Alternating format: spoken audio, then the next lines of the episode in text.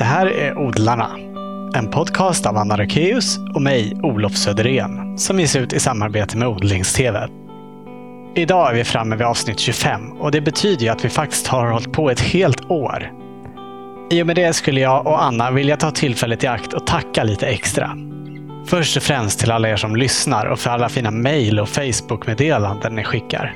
Det blir vi så himla glada av. Hoppas ni fortsätter lyssna, för vi tänker fortsätta göra nya program. Och tack till alla som medverkat hittills och delat med sig av sina odlarliv. Givetvis vill vi också tacka våra sponsorer som möjliggör den här podden. Nelson Garden som har varit med oss ända sedan avsnitt 1. Och Grön IT Konsult AB som varit med hela det här året. Ni vet de som saluför japanska verktyg av högsta kvalitet, till exempel silkesågar. Stort tack! I det här avsnittet träffar vi Lasse Krantz som bland mycket annat var med och byggde upp Rosendals trädgård i dess nuvarande form. Idag är han konstnärlig ledare på Vi trädgårdar i Ockelbo. Och under åren har han också skrivit flera böcker i ämnet trädgård. Ja, så mycket mer presentation behöver han nog egentligen inte. Vi tar och kör igång helt enkelt. Intervjun är inspelad i Stockholm i slutet av april. Varsågoda!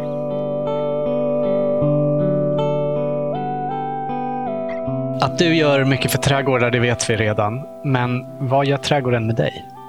Ja, den... Eh, alltså jag skulle säga, den är som en, eh, en andra kropp på något vis.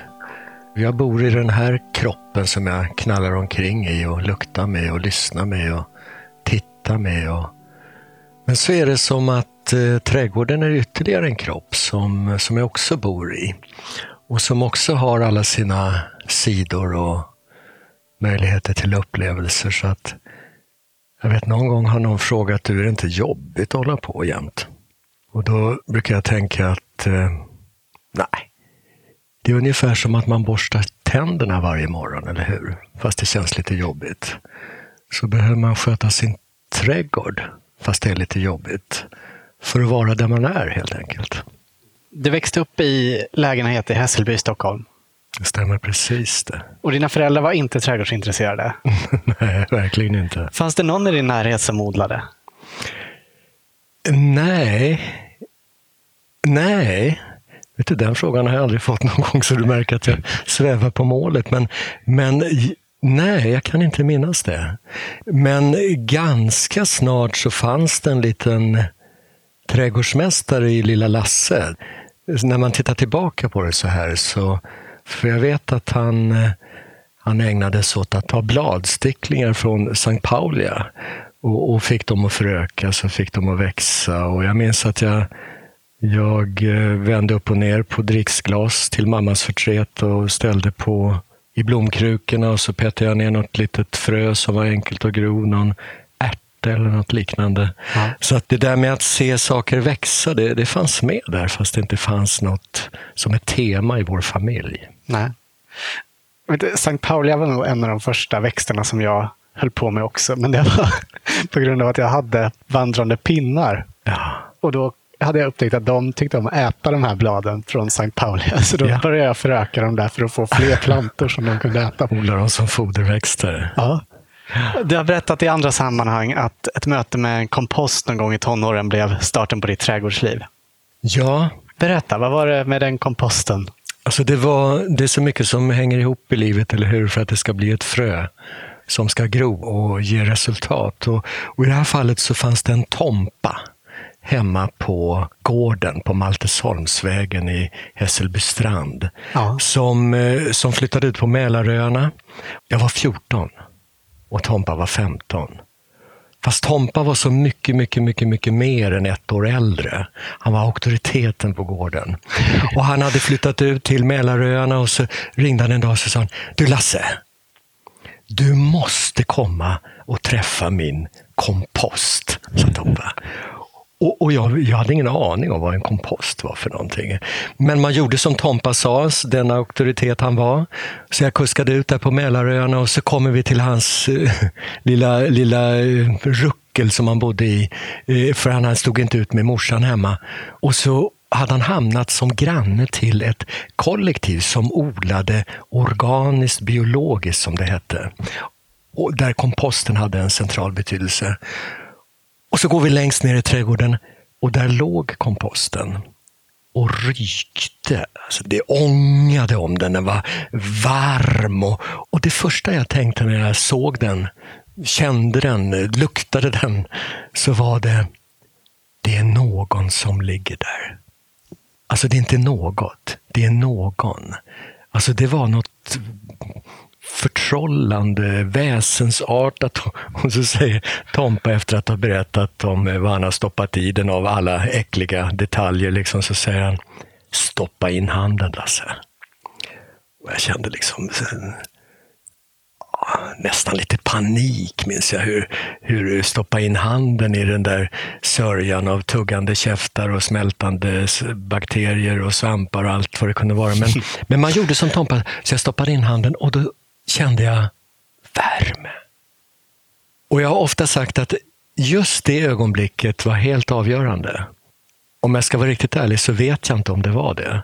Nej. Men det känns som det skulle ha varit en startpunkt eller en vändpunkt på livet. Sen, sen tog det ju många år innan beslutet att eh, odla sig själv till trädgårdsmästare tog fart. Men det var ett frö som lades där. Aha.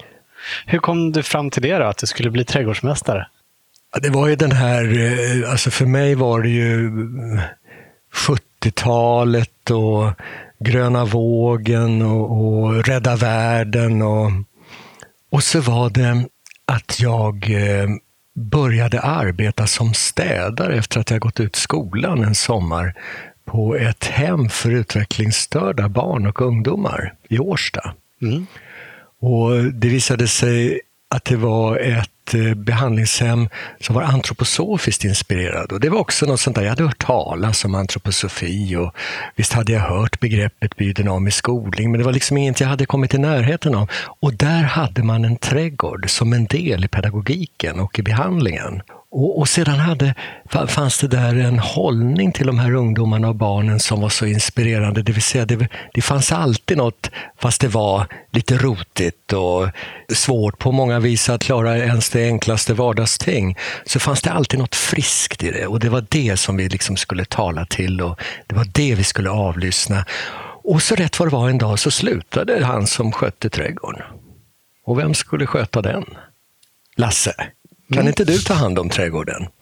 Och så fick det bli. Så att jag, och då vart jag sådär, alltså över huvudet förälskad i allt som hade med trädgårdsodling att göra. Passionerat förälskad. Alltså blint förälskad. Det fanns liksom inga svarta moln utan det var bara glädje och ljus och, och solsken. Och sen var det det här med komposten. Och så var det det här med den där intressanta synen på de här ungdomarna. Så för mig var det självklart att det är den här biodynamiska inriktningen jag ska ägna mig åt. Vad innebär egentligen biodynamisk odling? Alltså för mig så innebär det att eh, Eh, jag ges möjlighet som odlare att odla mina egna kunskaper om odling, så att säga. Visst låter man sig inspireras av andra som vet mer och kan bättre om fakta och kunskaper, men utan att det blir till min kunskapsegendom så blir jag ingen duktig odlare. Och mm, med det kan man säga att för mig personligen så innebär det att eh, jag skulle vilja kalla det utöver att man är hantverkare som odlare, så är man också ganska mycket konstnär, så att säga. Inte minst i avlyssnandets eh, perspektiv. Och så är man naturligtvis lite vetenskapsman som vill bygga sitt arbete på sanning och, och det hela. Och när man ser det så, så har i alla fall för mig blivit att det där odlingsrummet jag befinner mig i, det är inte bara det där omedelbara kring själva växten, mikroklimatet och den tillgängliga omedelbara näringen, utan odlingsrummet är betydligt större. Alltså så stort att det ända, drar sig ända ut i kosmos där ständiga rytmer påverkar livet på olika vis. Och um, Sen har det för mig inte varit det viktiga att det stämmer eller inte stämmer. Men det ger en dimension till mig som odlare. det ger liksom ett ytterligare perspektiv till mig som trädgårdsmästare. Och det är en trädgårdsmästarroll som jag trivs i. Mm. Men finns det inte en krock där? Du sa att det skulle vara vetenskapligt också på något sätt. Ja. Mellan det här med rymden och många skulle kanske avfärda det som hokus pokus. Ja. Och eh, det är helt okej okay att avfärda det som hokus pokus. För mig är det inte hokus pokus. Nej. Utan för mig är det liksom ett innehåll i, i mitt odlande. Och sen får man kalla det för allmänt vedertagen kunskap eller bara Lasse Krantz-kunskap. Det är upp till var och en. Mm. Och för mig är den där Lasse Krantz-kunskapen helt avgörande för mig som odlare. Men du är utbildad vid Skillebyholm. Ja. Och det är biodynamisk odling man Absolut. lär ut där? Absolut. Hur, hur kom du dit från att du hade jobbat på det här hemmet för barn som du var på innan? Vet du, det, alltså det avgörande steget var egentligen att jag gick på en eh, konstutställning i, på Liljevalchs i, på Djurgården. Och så eh, var, handlade det om Waldorfpedagogik. Och jag tyckte ju själv att jag var väldigt radikal och uppdaterad och visste allt om orättvisor och rättvisor här i världen. Och, och så visades den där utställningen just den dagen då jag råkade vara där utav en man som heter Arne Klingborg, konstnär och mycket aktiv ute i Järnaområdet. Och han, jag kände ju honom inte, jag visste knappt vem det var. Men han berättade om pedagogik och barn och utvecklingspsykologi som kan så att säga nästan bli till tillväxt i, i trädgårdslandet. Han berättade om det på ett sånt sätt så att jag kände mig som en mossig gammal konservativ gubbe. Liksom. Mm. Han var full av Hur gammal var du ungefär? Alltså jag var några och 20 år. Mm. Mer var det inte. Och när jag hade varit på den där visningen på Liljevalchs, då gick jag hem direkt och anmälde mig till den här trädgårdsmästarutbildningen i, i Järna. Mm. Jag tänkte efteråt, alltså jag hade kanske kunnat bli något annat. Liksom. Kanske hade blivit, kunnat bli lärare eller, eller läkepedagog och jobba med de, med, med de här ungdomarna med funktionshinder möjligen. Men, men det blev trädgårdsmästare. Och det där är, kan jag ibland också fundera över. Man tror ju att man väljer så rationellt och exakt och genomtänkt. Så kanske det är hos vissa människor, men absolut inte hos mig. Nej. Det bara blir. Olika vägar bara leder en på nya stigar. Ja. Det var också där i Järna som du hade ditt första trädgårdsmästarjobb? Ja. Det var när jag hade gjort färdig min utbildning där på Skillebyholm och den var ettårig. Och då ägnade vi väldigt mycket tid åt annat än att odla trädgård och lära oss om trädgård. Vi spelade Faust och vi hade föreläsningar om psykologi och vi hade föreläsningar om konsthistoria. Alltså det var allt möjligt inblandat i den där eh, utbildningen. Och så stod vi ändå 25 ungdomar från hela Norden på trädgårdstrappan vid examen och så anade man att det klingade mellan oss en mission på något vis. Och den hette ungefär morötter åt mänskligheten. Alltså, bara vi odlar biodynamiska morötter så kommer världen fixa sig. Alltså. Let's go! Liksom. Så vi klev ut i världen och kavlade upp ärmarna. Så, och jag flyttade tillbaka till Stockholm och vi fick tillsammans, jag och min kära fru, vi fick lilla Mikaela och så började liksom de där hormonerna i kroppen rusa, att man skulle försörja familjen. Och, och så Rätt vad det var så ringde Arne igen utifrån Järna, han som hade haft den här visningen på Liljevalchs och så sa han, du Lasse, skulle du kunna tänka dig att bli trädgårdsmästare på Rudolf Steiner-seminariet i Järna? Nej, sa jag. Inte? Nej, jag Nej. kan inte det. Och det var mera respekt för vad mycket man skulle kunna då och, och klara av Mm. Kände du inte att det räckte med den här utbildningen du hade gått? Nej, verkligen inte. Jag hade inte erfarenhet, jag hade inte gått på smällarna riktigt och var väldigt ung. Men eh, det tog inte så många veckor och jag hade sovit på saken. Så ringde jag till Arne och så frågade jag Arne, den där frågan, står den kvar? Ja, sa Arne, jag har väntat på att du skulle ringa. Vi har förberett en liten bostad åt er, hela lilla familjen, så välkomna. Och så flyttade jag ut och, och det här var, alltså det var i den verkliga skolan. När man fick ansvar för en trädgård. Och inte bara en trädgård utan man fick ansvar för, eller jag fick ansvar för fem eller möjligen sex praktikanter som jag skulle handleda genom trädgårdsarbetet hela sommaren på Rudolfsteiner-seminariet. Och Rudolfsteiner-seminariet var ju och är fortfarande en otroligt mångsidig trädgård med grönsaksproduktion och med parken och skötseln av landskapet som, som landskapsvårdande åtgärder. Alltså det var en skola som inte kunde vara bättre. Och samtidigt så skulle jag handleda de här praktikanterna som varje morgon står på trädgårdsbacken och undrar vad, vad de kan lära sig idag. Mm. Så att jag vet den här första tiden, jag satt och förberedde mig på nätterna, kvällarna och nätterna. Och så jobbade vi på dagarna och det var helt fantastiskt. Och sen fick du uppgiften att skapa det nya Rosendal. Ja. Varför just du? Ja, precis. Det kan man verkligen fråga sig. Och det var inte bara jag, utan vi var några stycken som eh, fick frågan ifrån den dåvarande stadsträdgårdsmästaren i Stockholm som hette Bengt Edlund. Han satt med i Kungens råd för mark och byggnadsfrågor.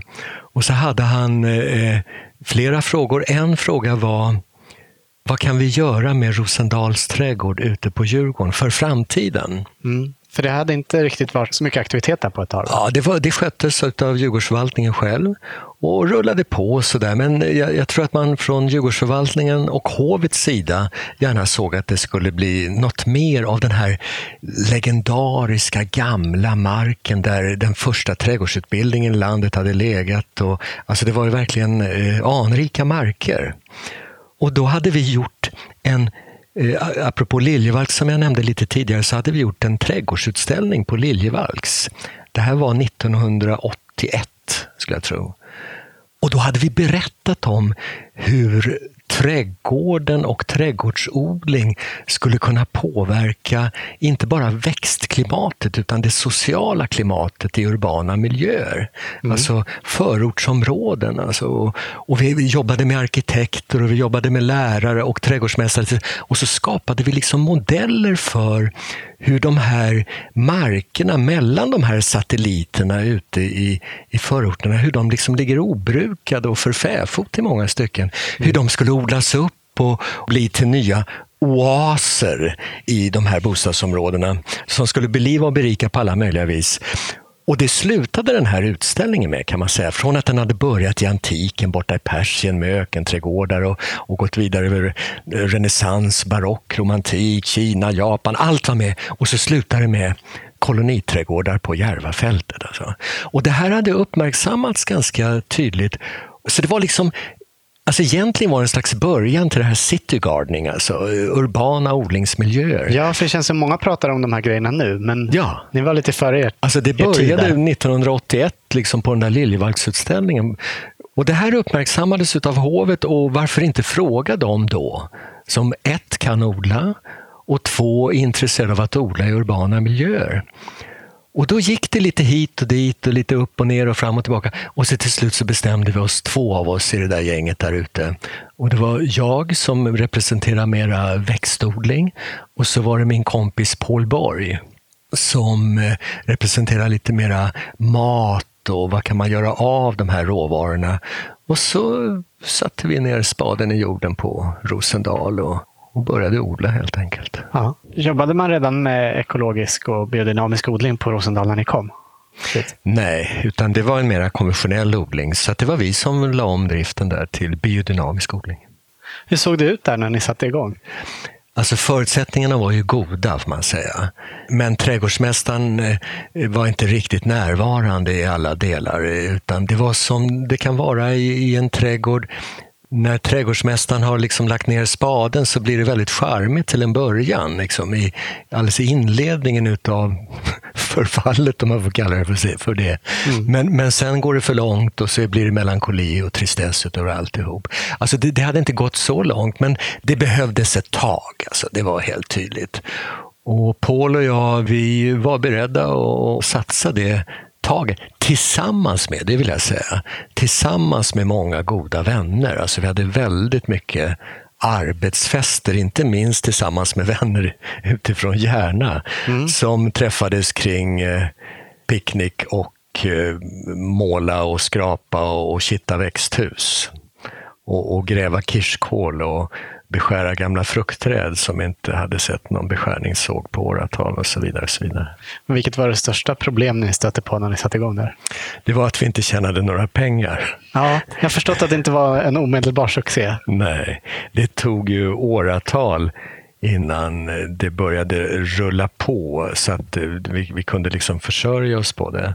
Men samtidigt så hade det liksom en attraktion och en dragningskraft och efter en tid så tog framförallt stockholmarna Rosendal till sitt hjärta och det blev fler och fler och köerna växte så att säga. Så Hur lång tid tog det ungefär? Jag ska säga fem år och då blev det också en sån där medial vad ska jag säga, knutpunkt. Det började väl med att någon, någon sommarvikarie på någon redaktion hade lite nyhetsbrist och så blev det ett reportage om Rosendal och sen gick det som bara den.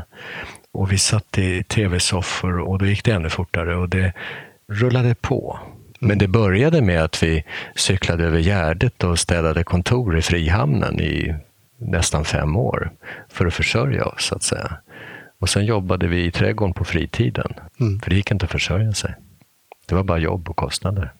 Fast vi hade mycket stöd och hjälp från Djurgårdsförvaltningen. Utan deras välvilja hade det inte gått att starta upp. Och, och Rosendal har fortfarande mycket stöd och välvilja från Djurgårdsförvaltningen. Och, och det kan jag tycka, det är inte fel, för Rosendal skapar verkligen ett mervärde på Djurgården. Ja. Marknadsför Djurgården och det är ett av Djurgårdsförvaltningens uppdrag. Du var där i drygt 20 år. Ja. Och Rosendal blev ju under den tiden en av Stockholms mest älskade platser. Hur kom det sig att du lämnade det?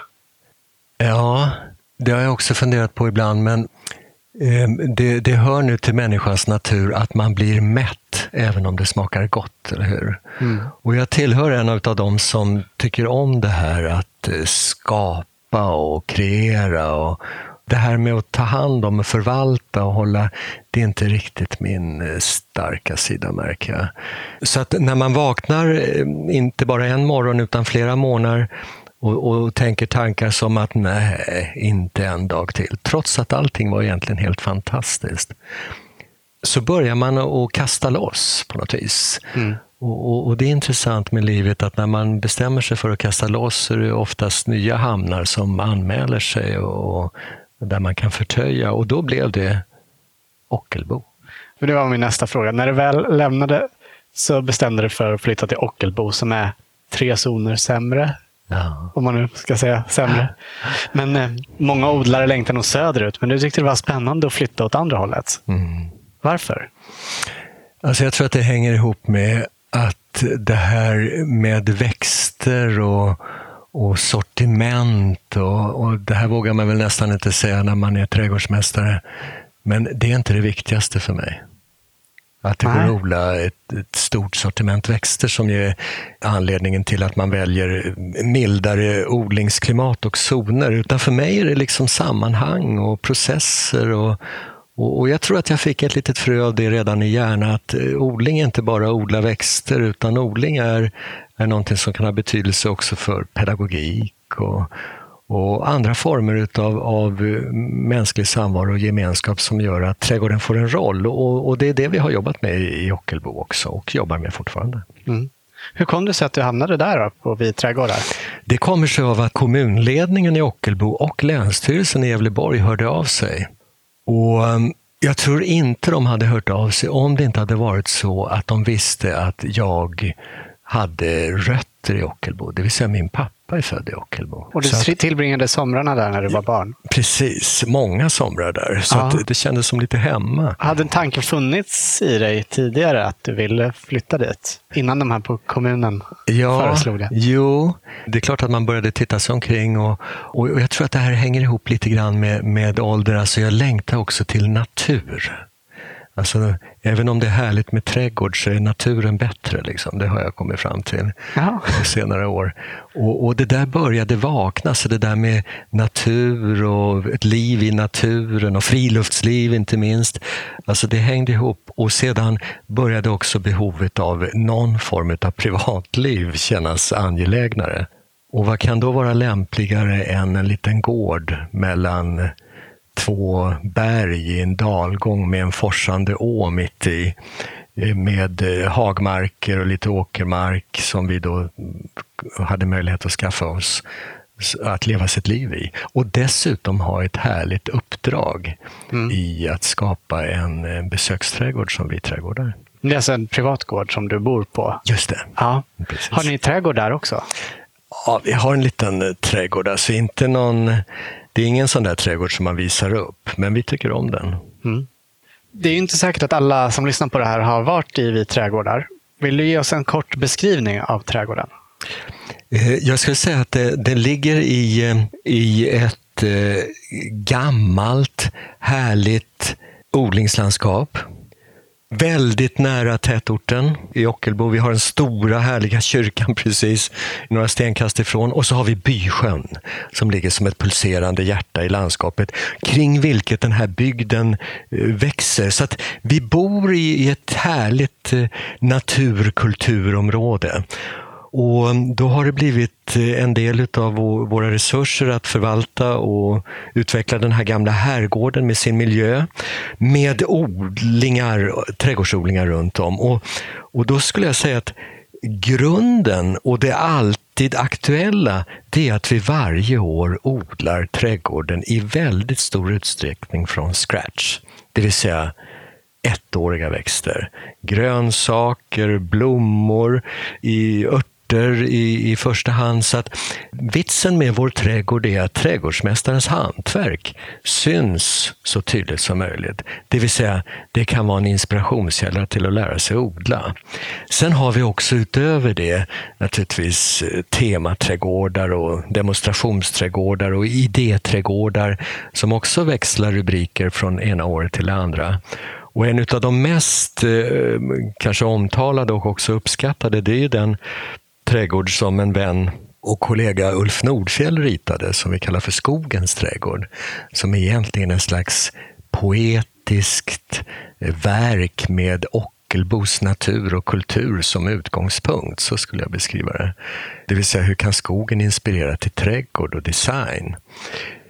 Sen har Simon Irwin, en annan kollega och vän, ritat vår rosträdgård, mm. där ju upp uppdraget och uppgiften var att skapa ett så milt klimat som möjligt för sådana känsliga gäster som eh, rosor ifrån Syd och Mellaneuropa som ändå gillar att bo i Ockelbo nu efter en del åtgärder. Mm. Jag har hört att du har pratat i flera sammanhang om att låta platsen styra växtval. samtidigt så tänjer du på gränserna på det här sättet när det gäller platsens förutsättningar till exempel zonförbättra då för att kunna ha rosor ja. som inte alls trivs där normalt sett. Hur går det ihop? Jo, men det, alltså jag kan tycka att platsen, det vill säga genius loci på något sätt, alltså platsens själ är ju inspiration för innehållet och själva berättelsen och historien. Men sen är det ju människans begåvning och möjlighet att ta ett steg ytterligare utöver natur och skapa kultur. Eh, trädgårdar. Och varför? Jo, därför att konsten och kulturen har ju den där förutsättningen och möjligheten att berätta om det man har, men som inte alltid syns när det är liksom i sin naturliga form. Men stiliserar man, gestaltar man, designar man, kompletterar man, så blir det tydligare för den som avlyssnar. Och det har ju varit en inspirationskälla för oss i Ockelbo. Att man åker inte till Ockelbo för att se en exotisk samling eh, sydländska växter, utan man åker till Ockelbo för att lära känna vår natur och vår kultur med hjälp av trädgård och trädgårdsgestaltning och trädgårdsmästarens arbete. Mm. När du berättar om din flytt till Ockelbo så låter det som att du har hamnat rätt. Är det aldrig någonting som du saknar att kunna odla? Nej. Ingenting? Nej. I alla fall ingenting. När du frågar så kan jag säkert komma på någonting sådär som... Men jag märker när, för jag är ute och reser en hel del. Jag har också tar grupper till olika delar av Europa framför allt och kring Medelhavet kanske i allra, till största delen. Så det är klart att man ser apelsinodlingar och fikonen och allt det där som är så underbart i livet. Men det är ingenting som jag känner att jag behöver ha hemma, utan det är lämpligt att åka dit och uppleva det där det verkligen hör hemma, så att säga. Så att jag tycker apelsinodlingar i Spanien, det är bäst i Spanien. Och, och vinodlingar i Toscana är bäst i Toscana och så mm. vidare. Så att det är klart att vara med och skapa de där eh, sydeuropeiska trädgårdarna med allt sitt växtmaterial, det, men det är inget som jag direkt går och längtar efter. Nej. Alltså jag kommer ihåg på Rosendal när vi satte igång och odla vin alltså, och, och försökte till och med göra, göra lite vin av druvorna som skördades. Så det är klart att, eh, att vad kul det vore att odla lite vinrader där på sluttningarna. Och, och samtidigt så transformerar man det till men om man skulle ta och odla vinbär då istället i vinrader och binda upp och beskära och, och, och, utveckla vin, alltså svarta vinbärskvaliteter i skörden som är lite utöver det vanliga. Alltså det, man, man får transformera de där sydländska odlingsdrömmarna till de där eh, norrländska. Men sen är det ju så, det måste man väl ändå erkänna, att eh, jag var här för en kort tid sedan nere i södra Spanien och så träffade jag en trädgårdsmästare där och så ojade han sig över att han bodde så långt norrut i världen. Om man ändå bodde nere i Afrika så man kunde odla, och så räknade han upp. Och jag menar, så är det ju. Om man ändå bodde där nere så kunde man och så vidare. Och så vidare. Men eh, kanske i takt med att eh, mitt intresse för naturen har växt så längtar jag inte efter de där exoterna. Nej. Om man utgår från växter som verkligen trivs i zon 5 då? Mm. Som man inte behöver dalta med. Har du några favoriter då? Ja, alltså Bland eh, vedartade växter så är det ju de här, hela det här sorbesläktet, rönnarna, som ju är sagolika. Och jag har en av favoriterna som heter Sorbus dodong, alltså eh, ullungrönn som är så mycket rönn så att man bara baxnar. Och som är så mycket av det allra finaste man kan vara när man är rönn. I, i bladverk bläcket, i, i blommorna, i, i frukterna, i höstfärgerna. Alltså den är helt underbar. Så att, sen finns det ju, jag menar, de flesta växter som är odlade på Rosendal odlar vi också i Ockelbo. Så att det är inte så där eh, omöjligt att lyckas med. Nej. Björkar är någonting sånt där annat och det är också härligt när, när man reser runt i världen och träffar trädgårdsmästare på andra breddgrader som Italien och Spanien som ser sina björkar i sina trädgårdar som någonting oerhört vackert och, och exotiskt. Trots Aha. att stammarna är nästintill kolsvarta och ser jättetrista ut. Och björkarna verkar inte alls trivas. Så är det ju, är det ju sådana där kvaliteter som man får glädja sig åt helt enkelt. Mm. Skulle du säga att det finns fördelar med nordlig odling? Ja, alltså, dels så slipper man en, hel, en del i alla fall utav eh, problem som än så länge peppar peppar vildsvin och tills för något eller några år sedan spanska skogssnigeln. Och, men den förökar sig inte så, över måttan så att, man, att det blir ett jätteproblem, men den finns hos oss. Eh, så att det, hygienen skulle jag säga är lite bättre i våra trädgårdar. Och sedan är ju somrarna är ju kortare och mm. ljusare så att allting går ju med ett, liksom, ett svung sådär. Vilket jag gillar. Kort är underbart. Mm. Vilka skulle du säga är de största problem som man får om man flyttar norrut? Ja, det är möjligen de långa vintrarna för odlarsjälen. Ja. Och sedan så är det övervintringen hos känsliga växter. Som om vi till exempel har ambitioner att odla en rosträdgård, vilket vi gör med ett rikt sortiment, vilket vi har, så är, har man alltid lite eh, klump i magen när man kollar hur har det gått med övervintringen. Eh, I år har det gått, liksom förra året har det gått lysande, men det är ett, något år då och då som det biter till ordentligt. Så att till och med honungsrosorna fryser ner till marknivå. Sånt kan ju göra ont. När man bygger upp någonting och trädgård är utav den eh, arten att det tar tid. Liksom, och om man bygger upp ett kapital år efter år och så rätt för det så rycks det undan av en ja. besvärlig vinter. Men när du tog över på Vit trädgårdar då, så fanns det en önskan från kommunen att den skulle utvecklas till något som satte Ockelbo på kartan och kanske till och med få folk att flytta dit. Mm. Innebär det inte en väldig press att arbeta under sådana förväntningar? Ja, vet du, det, om det är en press så är det en press som jag aldrig, aldrig har upplevt som eh, belastande utan snarare som stimulerande. Mm. Och det är någonting som jag har kanske nästan gjort till en teknik genom livet att när man ska uppnå mål så lovar man världen att eh, det här, så här ska det bli. Och skapar därmed också förväntningar. Och jag vet nämligen att har man inga förväntningar så, på sig så är det inte lätt att nå fram helt enkelt. Så att jag gillar de där, den där förväntande omvärlden när, när projekt ska genomföras. Och så märker man dessutom att man får lite stöd av omvärlden då. Det är en slags att förbereda jordmånen för mål och drömmar genom att eh, formulera dem långt innan man har börjat. Vad skulle du säga att eh, vi trädgårdar har gjort för Ockelbos kommun? Då? Det, det, alltså, kanske i första hand så har det bidragit, bland andra celebriteter, att sätta Ockelbo på kartan. Mm. Alltså, det har stärkt kunskapen om att det finns ett Ockelbo i, i världen. Ja. Och, och, till och med att det har stärkt kunskapen om var det ligger någonstans i världen och så vidare. Så att på så vis så har vi tydligt bidrag till Ockelbo under de här 15 åren som vi har hållit på. Mm. Det har eh, rapporterats om att vi trädgårdar har gått back och att ekonomin har varit eh, dålig på grund av drift av byggnader och så. Mm. Finns det risk att det måste läggas ner?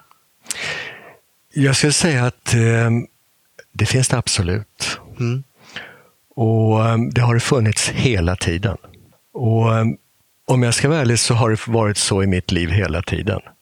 Det vill säga, jag hankar mig fram ett steg i taget. Och det är naturligtvis ingenting som är eftersträvansvärt. Men det har bara inte funkat eftersom det ofta varit i, i, i områden och, och, och, i sammanhang som liksom har legat lite före. Liksom. Det har inte varit riktigt moget, i alla fall inte för marknaden ännu.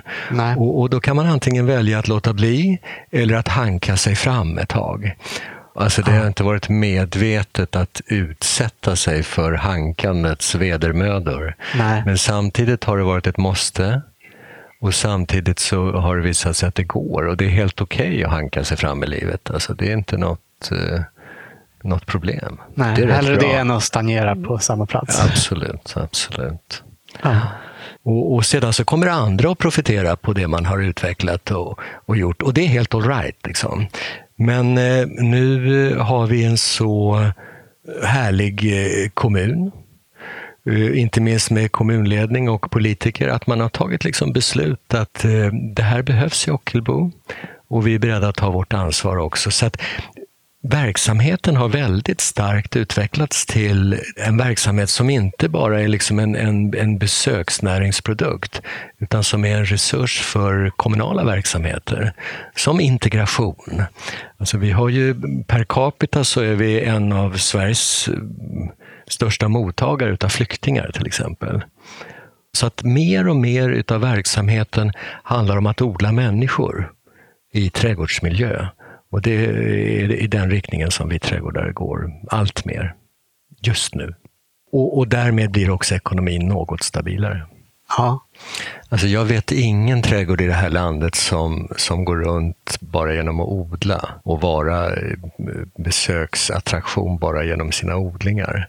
Utan eh, det finns helt enkelt inte. Utan de allra flesta har ju stöd ifrån eh, det, det offentliga, det vill säga via skattemedel, mm. som kommunala anläggningar och så vidare. Men är det inte jobbigt när man vill förverkliga visioner och skapa en fantastisk park, att det ändå värderas i pengar på något sätt? Jo, jo men jag håller med dig. Det kan jag tycka. Varför förstår inte människor att kultur har en betydelse? Och varför förstår inte människor att konst och gestaltning och design är viktigt och så vidare. och så vidare.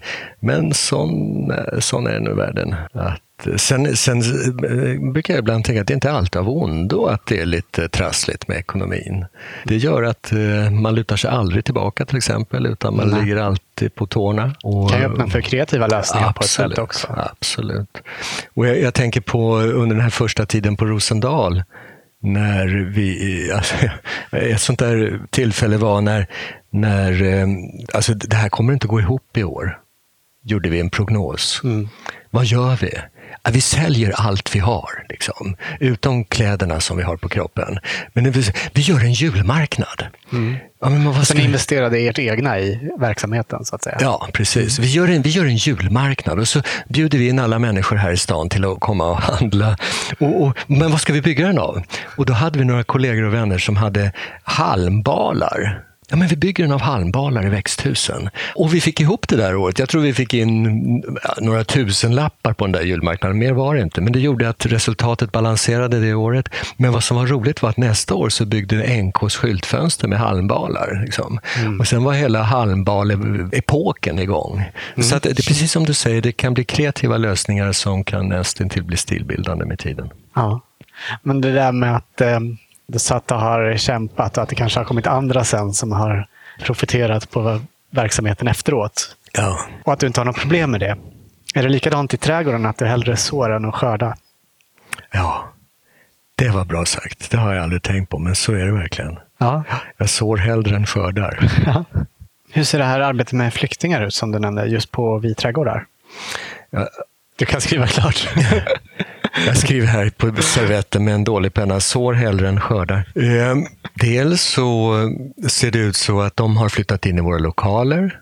De har bosatt sig så att säga i det dagliga arbetet hos, i trädgården hos oss tillsammans med våra trädgårdsmästare. Och våra trädgårdsmästare eh, har rollen att vara handledare. Och i det här dagliga arbetet så är det naturligtvis dels är det möten mellan olika kulturer. Vi lär oss någonting nytt varje dag, vilket är helt otroligt. Från odlingar i Syrien, odlingar i Afghanistan, odlingar i Irak. Och, och dels är det för att vi ska känna att det är någon mening med vårt arbete. Dels för att stötta kommunen och sen är det i grunden så är det också en ekonomisk fråga. Mm, för att det nu bor människor i de lokaler som du tidigare gick back på? Ja, nu är de uthyrda rent formellt. Mm. Så att vi har liksom en intäkt på dem. Och, och, våra trädgårdsmästare är anställda som handledare i integrationsverksamheten. Alltså det, är helt, eh, det, det är precis så det ska vara. Det är toppen. Och samtidigt är vi en besöksträdgård. Det är bara det att våra eh, medarbetare ser annorlunda ut än vad de gjorde för några år sedan. Ja. Mm. Det, har, det har vidgats. Mm, bra. Så att det är en otroligt Eh, kan jag tycka, vid sidan av idrott och fotboll, liksom, så är trädgårdsodling en del av en bra integrationsmetod. Och, och det viktigaste med den är, känner jag och tycker jag, det är att det ger begreppet trädgård en berättelse till att berätta. Och det är helt nödvändigt idag. Därför att alla går med de känslorna i bröstet och, och, med de tankarna i huvudet. Hur går det för människor som, som har det svårt? Liksom? Och, och kan det bli en berättelse i trädgårdsvärlden, då har trädgårdsvärlden vuxit också. Verkligen. Du nämnde ju din privata trädgård. Vad odlar du för någonting där? Alltså, den är väldigt ung i vår ägo. Vi har haft ja. den i 15 år och det är väldigt uh, ungt i, i trädgårdssammanhang. Så att vi har fortfarande drömmar och då skulle jag säga så här, vi har liksom rätat ut den lite grann. Vi har skapat lite strukturer i den. Och det har inneburit till exempel att vi, har, vi odlar en granhäck mot norr granhäckar är underbart. Alltså. Den här vintergrönskan som skapar ett härligt odlingsklimat på sin sydsida. Och sedan så har vi skapat liksom lite axlar som löper ut i förhållande ifrån huset ut i, hagar och i änden på en av sådana axlar så står ett växthus. Ett växthus skulle jag säga, det är ett måste i södra Norrlands inland där vi bor. Aha. Och skälet är att vi har helt underbara sommarkvällar med ljuset och, och fågelkvittret. Men vi har myggor också. Och, men inte i växthuset. Så Nej, de håller sig utanför. De håller, håller, sig utanför. Så att det är väldigt mycket av sommarkvällar som vi ägnar i växthuset. Och sedan odlar vi i första hand grönsaker. Ja, vilka är favoriterna då? Ja, favoriterna är ju som alltid morötter och jordgubbar. Alltså färska jordgubbar. Det är, ju, ja, det är svårslaget. Det, det går det. bara inte att slå. Men sedan har vi naturligtvis eh, buskar, och då, eh, rosbuskar och då är det framför allt de här gammeldags sorterna som har fortfarande förmågan att dofta. Men sen är det också, vi, vi har får, så att vi har en liten eh, fårhage, eller tre hektar stor, Ja. eh, som är full av örter och, och annat som följer med de där hagmarkerna. Och det är en björkhage.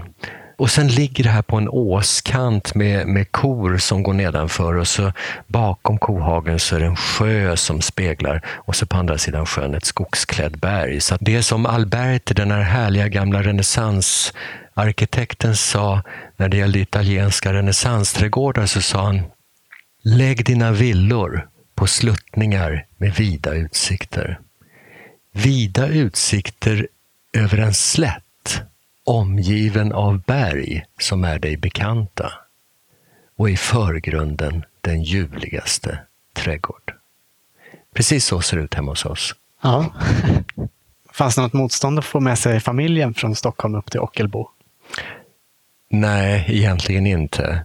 Min dotter hade redan flugit ut, eller vår Ah, dotter mm. hade flugit ut så att säga. Och eh, när det gäller min kära hustru Barbro så längtade hon, liksom jag, också ut i, i landet till en eh, förhoppningsvis lite lugnare tillvaro Ja. än, än vad det var där. Har hon något trädgårdsintresse? Ja, alltså hemma är det huvudsakligen Barbro som sköter trädgården ska jag säga. Okej.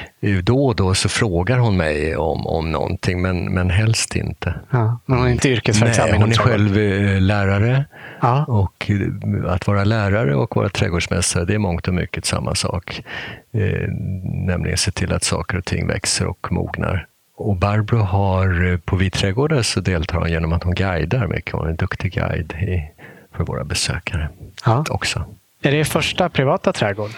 Ja, det kan man säga. Ja. Det är det liksom- något du har längtat efter? Det är klart att man i, i sitt liv har gått omkring och drömt om den där egna trädgården. Och jag har ju gjort och ritat många trädgårdar till andra. Och genomfört och byggt också trädgårdar till andra. Men aldrig riktigt vågat göra det till mig själv. Liksom. Bor du nära viträdgårdar? Vår lilla gård ligger åtta kilometer från Vi trädgårdar. Och det är också en kvalitet det där att jag har alltid bott på min arbetsplats i hela mitt liv. Det har aldrig varit något problem. Bodde du på Rosendal också? Bodde på Rosendal också. Ja. Men nu känner man att det finns anledning till att vara lite mer privacy. Du sa tidigare att du nästan uppskattar naturen mer än trädgården nu för Mm. tiden. Tar du vara på mycket grejer från naturen? Alltså bär och svamp och sånt där? Mm, absolut. Och när jag säger så, att naturen är bättre, eller bättre, alltså naturen har ett annat värde, men skulle jag vilja säga övertrumfar trädgården i mångt och mycket, så vill jag samtidigt säga utan att jag hade haft möjlighet att öva i en trädgård i hela mitt liv. Att följa växtprocesser och följa soluppgångar och ljumma sommarregn och dagmaskers knaprande och, och vad det nu är för någonting. Utan hela den där övningsprocessen så tror jag inte naturen hade varit så stark som den är idag. Så att ibland har jag liknat det vid alltså umgänget med trädgården. Det är som ett bra förspel. Liksom. Det är timing på något vis. Men själva extasen, själva meningen, det är liksom mötet med naturen. Och jag tror att det är på sätt och vis är i mångt och mycket med konst överhuvudtaget. Konst är inget självändamål. Konst är ett sätt för mig att värma upp mig för att uppleva livet i alla sina olika sidor och delar. Och på så vis har trädgården fått liksom ytterligare en roll och dimension. Det vill säga att hjälpa mig bli den där som har lättare att läsa när jag sen tittar mig omkring i livet. I vilken grad är ni självförsörjande? Alltså vi, vi har väldigt mycket eget i, i odling, det, å, å ena sidan, eller på vi. Och, och sedan så har vi får, liksom. så vi, vi har lamm jämt. Och sen jagar jag, sedan jag flyttade till Ockelbo. Och det trodde inte jag när jag flyttade dit, att jag skulle börja. Jag kunde inte slå ihjäl en fluga utan att ligga sömnlös i veckor. Så vi har bästa köttet man kan få och så har vi mycket grönsaker, mest grönsaker. Om vi blickar framåt, kommer du bli kvar på viträdgårdar eller börjar du bli sugen på något nytt? Eh, Zon 7 eller 8 kanske? Ja, alltså blir det någonting så blir det norrut. Alltså det kanske låter märkligt, men, men eh, när vi är lediga någon gång någonstans så åker vi alltid norrut helt enkelt. Det, och det är den där naturen och Den renheten på något vis. Som norrut eller utåt, alltså det vill säga ut i skärgården, i ytterskärgården med kajakpaddling och annat. Sen måste man också Eh, erkänna att man, man blir inte yngre, alltså, inte ens om man är trädgårdsmästare.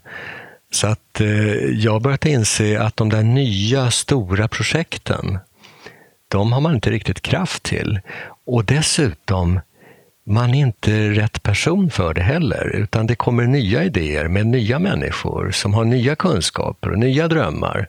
Och det är deras tur helt enkelt. Mm.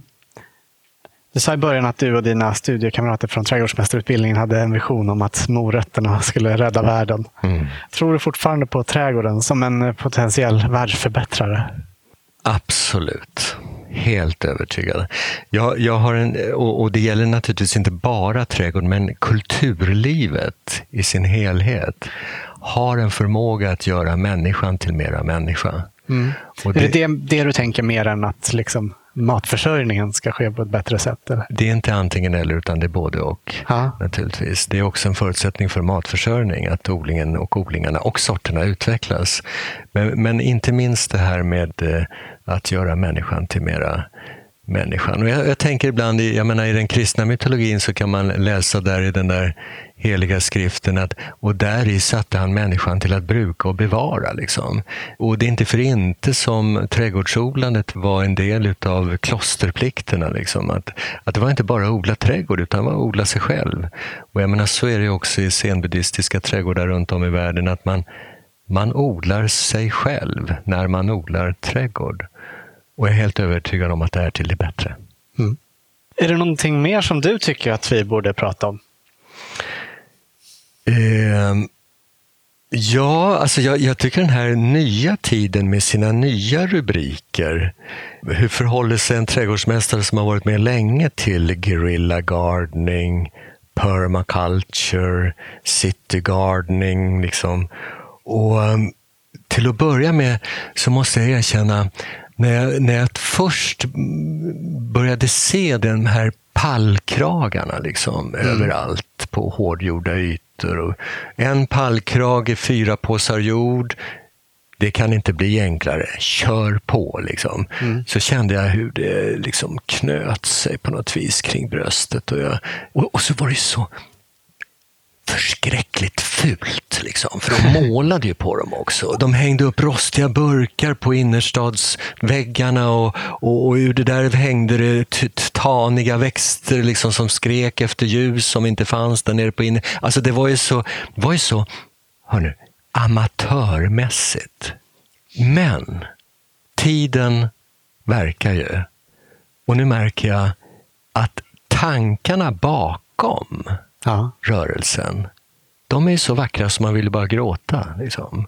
Mm. Just den där processen att få delta med livet som material i något kreativt. Mm. Skapa. Liksom.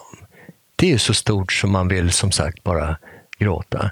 Så den har min fulla respekt och då måste jag börja berätta.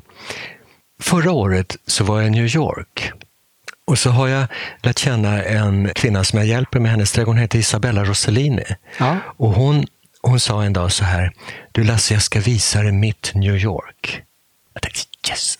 Så vi hoppade på tricken och så tuffade vi, skakade vi in där till Manhattan utifrån Long Island. Och så såg vi lite både det ena och det andra. Och bland annat så, så ville hon visa mig en trädgårdsodling uppe på ett tak i Brooklyn. Ja. Och så hoppar vi in i, i en trappuppgång och så tar vi hissen elva våningar upp. Och så går vi den sista etaget upp för en trappa full med graffiti och, och man kände sig liksom lite sådär orolig för man känner inte igen de där miljöerna i, i Ockelbo Nej. och blir lite otrygg. Och så öppnar vi en ståldörr också full med graffiti och så kommer vi ut i ett bländande solsken.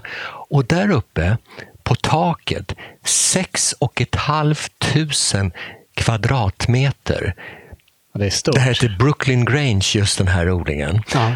Fyllt med jord och så odlas det mikrogrönsaker överallt och så står det en, en bikupa och surrar och där borta är det en, en hönsgård där det kacklas och där ligger komposterna och, och där har man dukat upp så man kan ta emot grupper och servera uh, härliga uh, middagar med råvaror ifrån odlingar. Och så träffar vi Ben som var lite av föreståndare i, i trädgården och så kunde jag inte låta bli att varför är ni här? Mitt i stan liksom. Och, det, och så blåser det hela tiden här uppe. Liksom. Och så sa jag, varför är ni inte ute på Long Island?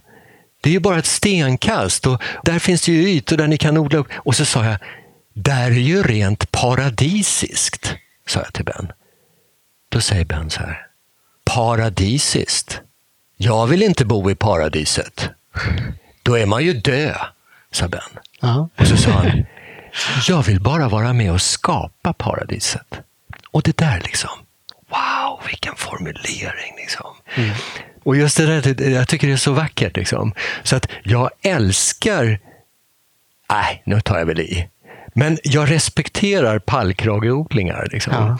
Det jag saknar med pallkrageodlingar och påsjord, det är liksom den där sinnliga kontakten med en jord som ska odlas. Liksom.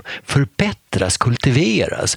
Utan just det där Mm, att man lite... ofta bara byter ut jorden. Man bara byter ut. Alltså det, jag brukar säga påsjord är lika osexigt som pulversoppa på något vis. Men det funkar. Pulversoppa funkar. Och neskaffe funkar. Och påsjord funkar. Men det skapar inte den där relationen till jord som är en så stor del utav trädgårdsodling. Att få relationer till saker och ting. Så att man, man till och med skulle kunna kalla en kulturjord det är en vän för livet, eller hur? Därför att man vänslas och umgås och, och, och bryr sig liksom om jordens hälsa och hur den mår och hur den producerar. Och, och det där perspektivet är lätt att tappa när påsjorden ligger som stora berg liksom på handelsträdgårdar och, och granngårdar och, och lantmän och allt vad det heter för någonting. Ja, det blir lite slit och släng. Det blir lite slit och släng och det är lite quick fix. Och det, jag säger inte att det är fel, men det finns ju flera dimensioner i det.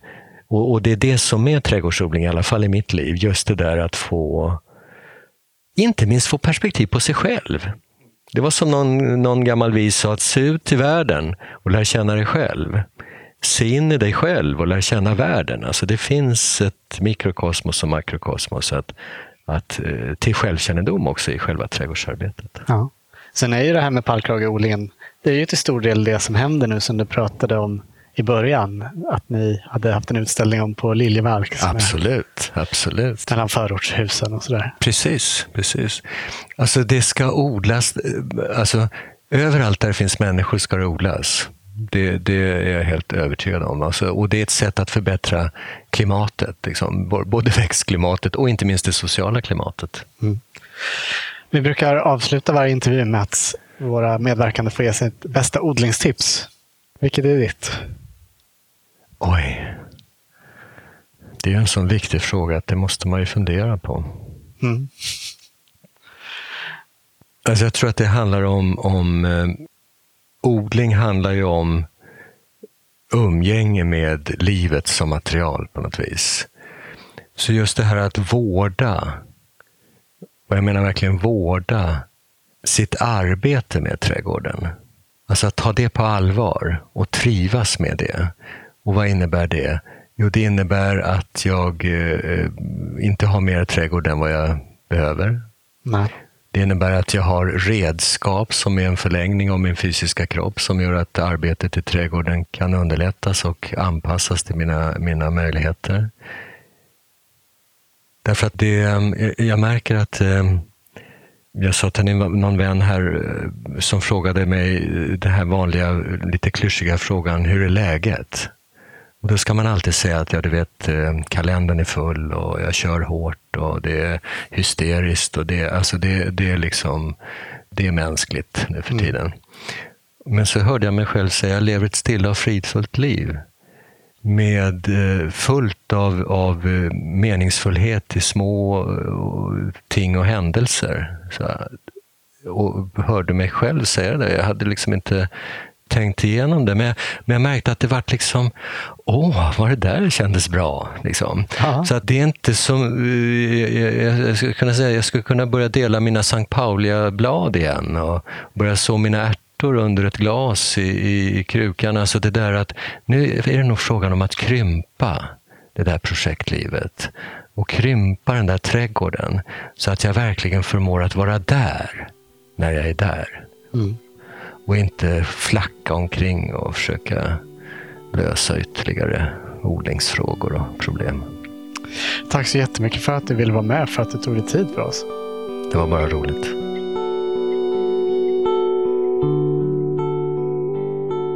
Du har just hört en intervju med Lasse Krantz i Odlarna. Och har du inte varit på Vi trädgårdar, så varför inte besöka Ockelbo nu i sommar? Information om öppettider och annat hittar du på vi.se wij.se. Tack för att du lyssnat och stort tack igen till våra sponsorer. Grönyte Konsult AB och Nelson Garden som möjliggör den här podden. Redaktör var Anna Rukeus. Jag heter Olof Söderén. Ha det fint! Hej då!